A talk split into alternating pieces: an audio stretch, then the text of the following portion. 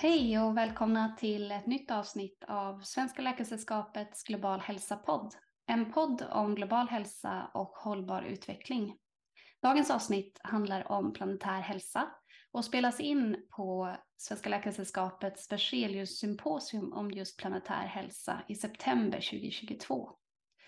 Vi spelar in från Svenska Läkaresällskapets hus i Stockholm och vi som eh, intervjuar gästerna här idag heter Hanna Järndal och Hedda Ottesen och vi är båda aktiva i Svenska Läkaresällskapets Global hälsa-kommitté.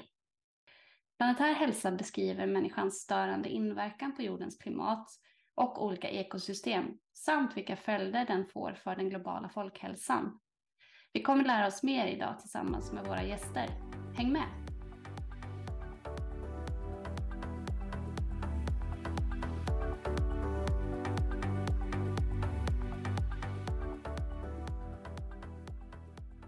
Men då så, vill du börja? Ja, ja, hej och välkomna till eh, Svenska Global Hälsa-podden.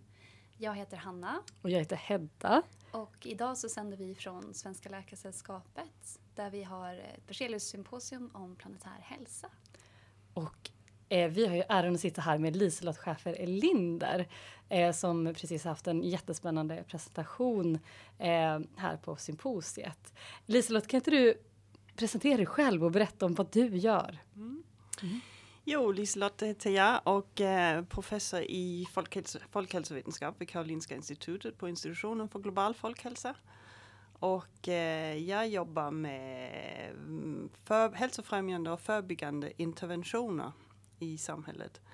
Och eh, där jobbar vi med matvanor, fysisk aktivitet och förebygga övervikt och obesitas. Okej. Vilken mäktig institution förresten måste jag säga, va? Mm. folkhälsa och global folkhälsa. Mm. Eh, Okej, okay. och vad, du har ju haft en presentation idag där du liksom pratar om eh, hur vi kan ändra matvanor och fysisk aktivitet och också fokuserat eh, på unga en del. Kan du, kan du liksom berätta lite om eh, hur det kommer sig att du har fokuserat det här senaste projektet då på unga och ungas matvanor? Mm. Nej men vi har ju jobbat genom många år att eh, som sagt främja hälsa, förebygga eh, ohälsa och speciellt övervikt och obesitas. Och eh, har utvecklat olika familj, ett, ett familjestödsprogram som vi har jobbat med. Och sen har vi också, ja också faktiskt på Region Stockholm på Centrum för epidemiologi och samhällsmedicin. Mm. Och där har vi eh, bland annat utvecklat ett verktyg som heter Skolmat Sverige som kan då eh, hjälpa till att kvalitetssäkra skolmåltiderna. Och sen för 2016 eh, så tänkte vi vi måste utveckla de här aspekterna, inte bara hälsosamma skolmåltider men också hållbara skolmåltider. Mm. Så då sökte vi pengar från Formas för det här projektet som heter Optimat, som mm. vi kallar det som handlar då om att um, optimera uh, skolmåltiderna. Det vill säga vi utgår ifrån de befintliga och sen optimerar vi dem på det sättet att vi förbättrar näringsinnehållet och minskar uh, växthusgasutsläppen. Ja. Och sen var vår tanke, det är ju många som har gjort det i teorin men vi, var, vi ville också göra det i praktiken. Så mm. vi har ju utvecklat det här konceptet, de här metoderna och sen har vi testat det i praktiken också. Mm. Kan du berätta lite mer om, om resultatet från, från vad ni har sett? Då? Ja.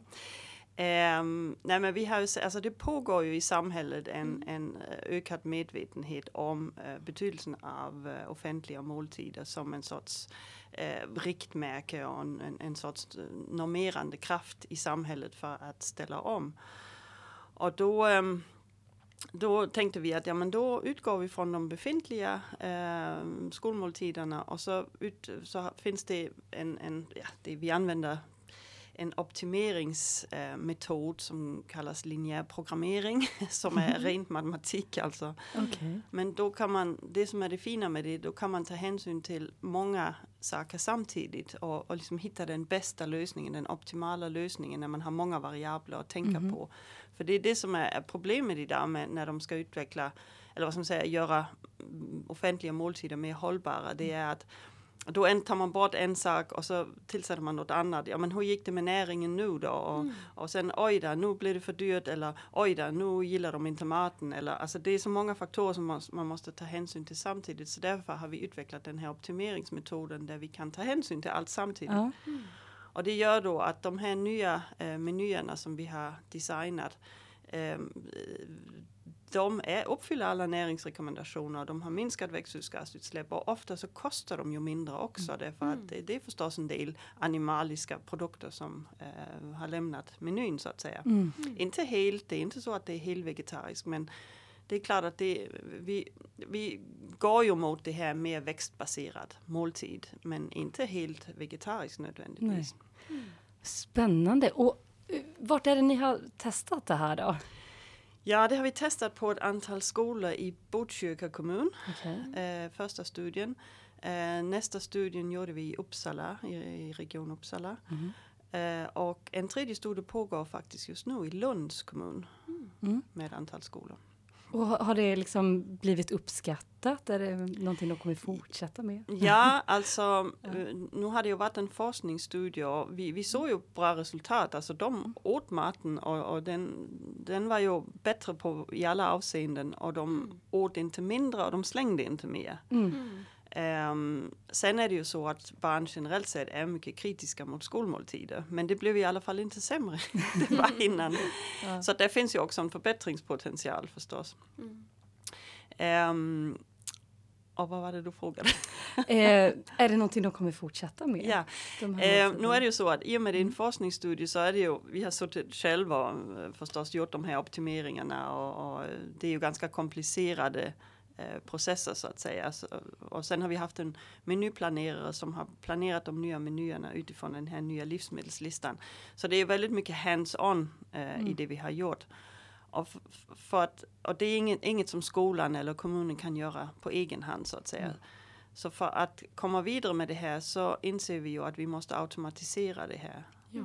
Och det, eh, så nu har vi sökt pengar mm. för att göra ett, ett webbverktyg som som då dels ska innehålla en stor receptdatabas från de som faktiskt gör måltiderna. För de vill också vara involverade. De vill inte bara ha en färdig meny och sen gör det här. Nej. De vill ju vara involverade. Så mm. tanken är att, att vi samlar in de bästa recepten, lägger det i en jättedatabas och sen kan de trycka in vilka värden de vill ha på sina måltider och så får de ut en färdig meny.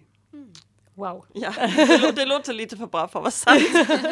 Men vi tänk, det, det, är ju ganska, det är ganska krävande eh, processer så vi tänker ju att vi kommer att använda artificiell intelligens mm. för att göra det här. Mm. Jag tycker bara så häftigt, alltså för delvis, det, det är ju som, det låter som ett fantastiskt exempel på hur forskarvärlden, akademin kan samarbeta med liksom offentlig sektor mm. för att göra både hälsa bättre och minska utgifterna mm. och det här liksom multi eller transdisciplinära, både liksom mm. använda matematiker och kanske mm. kostvetare, alltså många mm, IT-specialister. ja, ja. Och också fånga upp den kunskap och det engagemang som finns tänker mm, jag ute. Mm.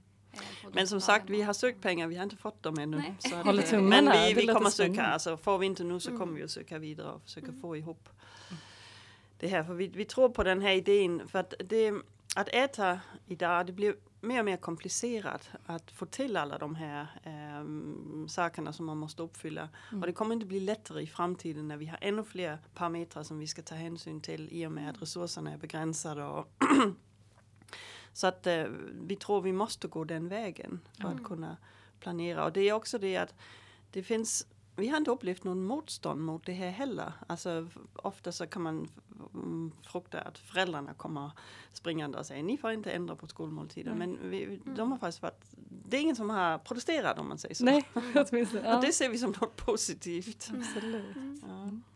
Jag tänker ibland så lyfts det att eh, om man tittar till andra åldersgrupper, eh, till exempel på sjukhus och mm. lite äldre patienter, att det kan vara en utmaning att, att förändra kosten där eh, grupper som kanske har svårt att, att äta överhuvudtaget mm. och att mm. om det då förändras på något vis att det mm. kan bli en mm. utmaning.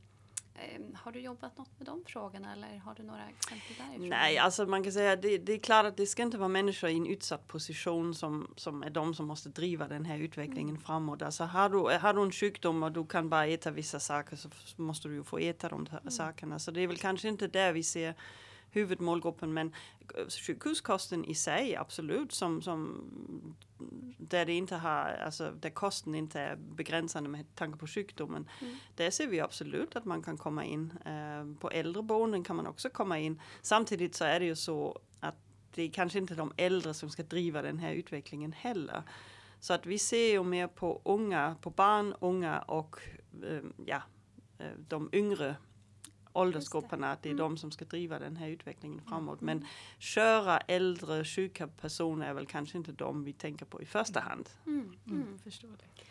Och det är väl viktigt kanske just då att komma ihåg att en lösning kanske kan fungera bra eh, på ett ställe och så får man se på, på andra sätt i, en, i ett annat sammanhang. Ja. Men det är argument som, som jag ofta fått höra. Så det var intressant att få höra just eh, dina åsikter eller din mm. erfarenhet av det. Mm. Men okej, okay, så du, du väldigt spännande det du jobbar med och allt. Men hur kommer det sig att du gör det du gör idag? Kan du berätta om ja. din resa in till Nej men alltså, jag började jobba med folkhälsofrågor eh, när jag började jobba på Folkhälsoinstitutet faktiskt, det gamla mm. Folkhälsoinstitutet. Okay. Eh, innan dess hade jag faktiskt varit labbforskare i biokemi och den här typen. Men sen började jag jobba med folkhälsa. Jag, jag kände liksom jag vill jobba mer samhällsinriktad. Mm. Och så började jag jobba med det och sen började jag jobba på um, Karolinska institutet. Kom tillbaka till Karolinska institutet. Och så var det ju forskning som gäller då. Och där kände vi att, alltså, jag är ju inriktad på interventionsforskning, implementeringsforskning. Alltså mm. vi vill hitta lösningarna. Mm. Eh, inte bara sitta och hitta en massa riskfaktorer, vi vill hitta lösningarna. För det finns väldigt många studier, vi vet vad riskfaktorerna är. Nu gäller det om att hitta lösningar. Så att mm. vi är väldigt lösningsinriktade och det känns väldigt kul faktiskt att kunna gå ut och få ut det här i samhället och, och, och, att det ska leda till förbättringar eh, i samhället faktiskt. Det tycker mm. jag är viktigt. Mm. Så att jag försöker inte att sitta i mitt elfenbenstorn. Jag försöker vara ute så mycket som möjligt och, och prata med praktikerna mm. på fältet. Jätteviktigt. Mm. Ja. Tycker du att det är någonting som eh, liksom inom akademin att vi gör för lite? Det här som brukar kallas tredje uppgiften, att mm. man är ute och pratar med andra sektorer där det faktiskt ja. det ska implementeras. Och ja men det tycker jag, men, men jag lärde mig det när jag var på Folkhälsoinstitutet, där var vi ju tvungna ja. att vara ute och, och snacka med folk och politiker och beslutsfattare, så det lärde jag mig av WHO på den tiden. Mm. och sen har det följt med mig för att eh, jag har haft alla de kontakterna och nu jobbar jag också på Region Stockholm och där jobbar vi ju med forskning till praktik också. Mm. Så att det, det eh, hjälper ju också till. Men jag, jag tycker det är väldigt viktigt att vi jag vill se resultat i samhället på det vi gör. Så att vi jobbar, mm. vi får faktiskt väldigt mycket stöd nu från KI Innovations också att försöka komma ut med det här och eh, ja, sälja in den här innovationen som vi nu, den här automatiska menyplaneringen okay. som vi ja. eh, och där står vi ju nu i valet och kvalet. Ska, vem ska driva det här så att säga? Mm. Och då hamnar man i den situationen, ska man bilda bolag för att driva det här eller, eller hur ska ja, vi komma ja. vidare? Så mm. där står vi just nu men än så länge har vi inte fått pengarna. Nej. Se när vi ja. kommer så långt.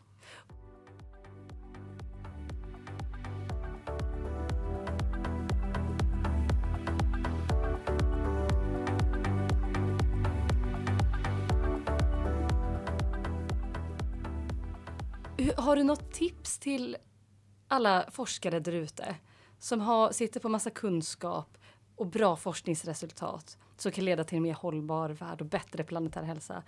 Att faktiskt få sin forskning till ut i samhället så det faktiskt används. Mm. Nej men det, alltså man måste ju sig ut i samhället. Man kan inte sitta på KI bara i, i på sitt kontor eller kontorslandskap, vad man mm. nu har, och, och tro att det kommer ut. Alltså, och man måste ju framför allt också, man kan inte bara, alltså man, det är klart vi lever på att skriva vetenskapliga artiklar, de måste ut, men mm. vi måste också skriva populärvetenskapligt. Och jag får många förfrågningar från eh, skolhälsan, elevhälsan, dietisten, eh, alla möjliga tidningar som är mer populärvetenskapliga som mm. vi ju också skriver. Mm.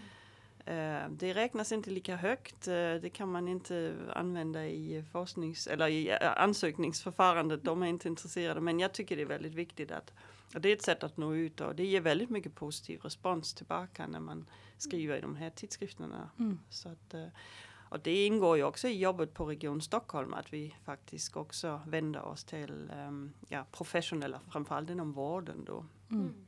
Okay. Så att vi ska ju ha, jag ska prata på hälsofrämjande dagen och här 6 oktober i eh, Region Stockholms Hantverkargatan. Okej, okay. okay. får man se om man kan svänga förbi? Barn och ungas hälsa. Ja. Mm. Mm.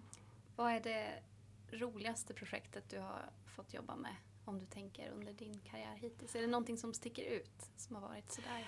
Nej, men jag tycker det vi gör nu känns väldigt meningsfullt. Men vi mm. jobbar också med ett stort familjestödsprogram ska jag säga det som mm. vi implementerar i tre kommuner i regionen då. Mm. Eh, och det handlar inte lika mycket om hållbarhet, det handlar om hälsa, förebygga övervikt och obesitas. Eh, men det som jag tycker är viktigt det är att vi också alltså, verkligen tar tag i det här med social ojämlikhet i hälsa.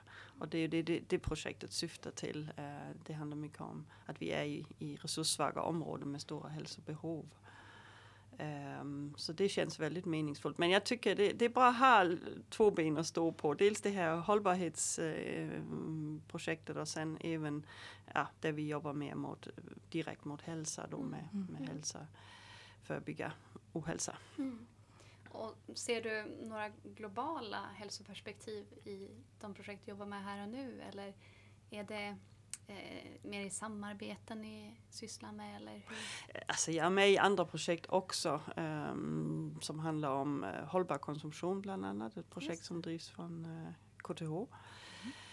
Eh, men, men vi tror att det här verktyget som vi nu har sökt pengar för, det tror vi kan, kommer kunna spridas globalt. Så att, eh, det, det, tror vi mycket på. Vi har lite internationella kontakter också när det gäller det projektet. Men som sagt, vi har inte fått pengarna. ja. Men det tror vi kan, det, kan, det är relevant för hela världen. Mm. Men, och, och, då får de ju lägga in sina egna näringsdatabaser, de får lägga in sina egna växthusgas eh, kopplade till livsmedel och sina egna indikatorer. Men det kommer man ju kunna anpassa till varje land då. Så mm. att, eh, mm. Men själva idén att ha det här eh, AI-verktyget som har eh, receptdatabanker som man kan, det tror jag är väldigt relevant globalt faktiskt. För där kan man ju verkligen, som jag förstår det då, i i förlängningen jobba med liksom de konsumtionsbaserade mm. utsläppen och påverkan från matsektorn. Mm. Eh, liksom, just nu förstår jag att det är kopplat mest till offentliga måltider, eller hur? Ja, för att det är ju så med offentliga måltider, de är ju, alltså det är ju ofta att inom en fyra veckors period så ska de uppfylla de och de och de krav. Så det, ja. då jobbar man liksom med en fast tidsperiod. Mm. Men jag kan ju tänka mig på sikt att det kan även finnas en app i telefonen där du kan jobba med det hemma. Om, ja. du, uh, om man har en stor receptdatabank som är kopplad till det här systemet och så kan du själv säga okej okay, inom en vecka, jag vill ha hälsosamt hållbart, det, den och den klimatnivå, mm. um, vi är så så många i hushållet, den och den energinivå ska vi ha. Sådär. Så Oj vad skönt det vore att ha någonting sånt som bara så här, man slipper tänka och planera allting själv utan det är så här, det ser till att man äter nyttigt ja. och klimatsmart. Nej, men jag tror alltså, det, vi måste liksom hitta vi måste göra det enkelt för folk. Mm. Alltså, det mm. ska vara enkelt att testa, det ska vara enkelt att observera effekterna av det vi gör eller det de gör. Mm. Um, så det keep the message simple. Alltså, budskapet ska vara simpelt och att testa det ska vara enkelt. Mm. Mm. Och så förhoppningsvis uh, upplever man så positiva effekter av det. Så att, uh, då, då, tror jag det kommer spridas och mm. då tror jag vi kan få ett, ett genombrott på befolkningsnivå om man säger så. Det är enkelt att göra rätt. Mm. Ja, och att det blir hälsoeffekter. Mm. Mm. Ja, det är någonting som jag tänker har upprepats under de här dagarna. Att det mm. måste vara enkelt och att det måste finnas en, en alternativ väg. Att eh, mm. man måste se att det finns ett, ett alternativ. Mm. Ehm, och, eh, och det såg vi ju idag på maten som serverades. Det var ju hur gott som helst och helt vegetarisk. Om det var vegansk mm. vet jag inte riktigt. Det var nog lite blandat. Ja. Men de hade ju mm. utifrån Eat Lancet-rapporten ja, så fick vi en lunch ja, och den idag. är ju vegetarisk. Den är, den är ju, ja. Det finns och med kött i den. Men det var nog ingen kött i det vi fick nu. Nej, utan mest växtbaserat. Ja. Då. Mm. Ja, det var supergott. Jag tror att vi har kommit till punkten när vi ska fråga dig lite snabba frågor. Ja. Med lite snabba svar. Exakt. Vill du börja? Eh, ja, men eh, Då vill jag fråga, läser du någon bok just nu? Och i så fall vilken? jag läser en bok från en gammal kollega som heter Det andra sinnet. Okej. Okay, ja. ja. okay. Som hon skickade till mig. Mm. Mm. Um, vilken musik har du i lurarna när du går till jobbet? Jag har faktiskt ingen musik i lurarna för jag cyklar och det, jag tycker inte om att ha lurar på när jag cyklar. Men um, jag ska snart gå på Elton John konsert. Okej. Okay. okay. Och uh, sen gillar jag Coldplay. Mm -hmm. Ja, de är bra. De är bra. Mm. mm. Elton John också. Verkligen. Han har följt med mig hela livet om man säger så. Ja, okay. ja. Om du själv lagar mat, vad blir det då? Ja, alltså det blir ju mest vegetarisk. Mm. Um, imorgon tänkte jag jag ska göra någon god grönsakspaj kanske. Mm. Något sånt. Mm. En eh, solig söndag, vad hittar du helst på? Åh, oh, jag gillar att bada. Mm. Jag älskar att bada. Är det så här året runt bad? Nej, det är jag inte. det är, nej, men sen, jag gillar att bada, men jag jobbar mycket i trädgården faktiskt. Mm. Också. Jag har inte så stor trädgård, men en liten trädgård, så det tycker jag är roligt. Mm. Odla lite olika saker. Mm. Härligt. Mm. Ja, men eh, med det tänker jag att vi vill tacka dig mm. jättemycket för att du tog dig tid att prata med oss. Mm. Och jättespännande att höra eh, och spännande att få se eh, ifall vi inom en snar framtid har en app som kan hjälpa oss ja. att välja Ja, det ser jag fram emot. Ja. Ja. Stort tack Liselott mm. för att mm. eh, vi fick eh, prata med dig. Tack själv. Eh, önskar dig stort lycka till med, jag hoppas mm. att du får finansiering. Ja, det hoppas vi. Vi håller tummarna. vi håller tummarna för dig. Ja, bra, tack. tack.